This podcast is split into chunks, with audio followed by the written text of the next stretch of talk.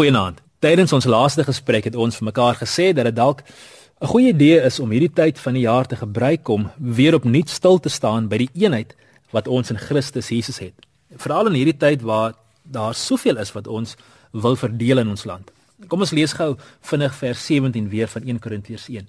Paulus sê: "Julle moet verstaan dat Christus my nie in die eerste plek gestuur het om mense te doop nie.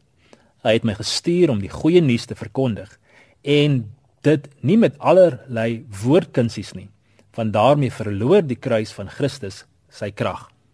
Hy maak 'n baie belangrike punt. Sy hoof fokus was nie op die uiterlike bediening nie.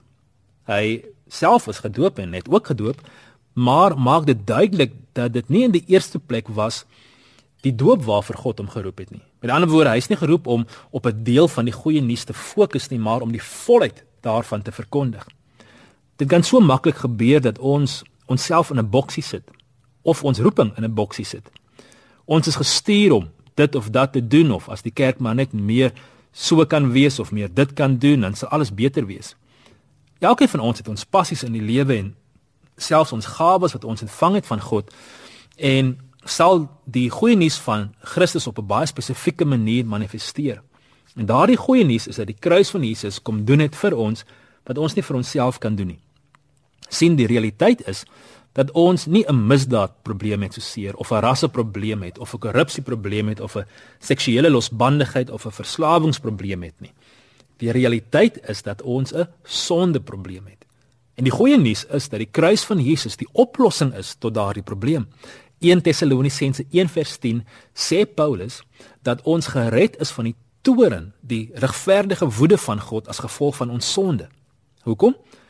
Hoekom is sonde so 'n groot ding? Want sonde skei ons. Dit skei ons geestelik van God.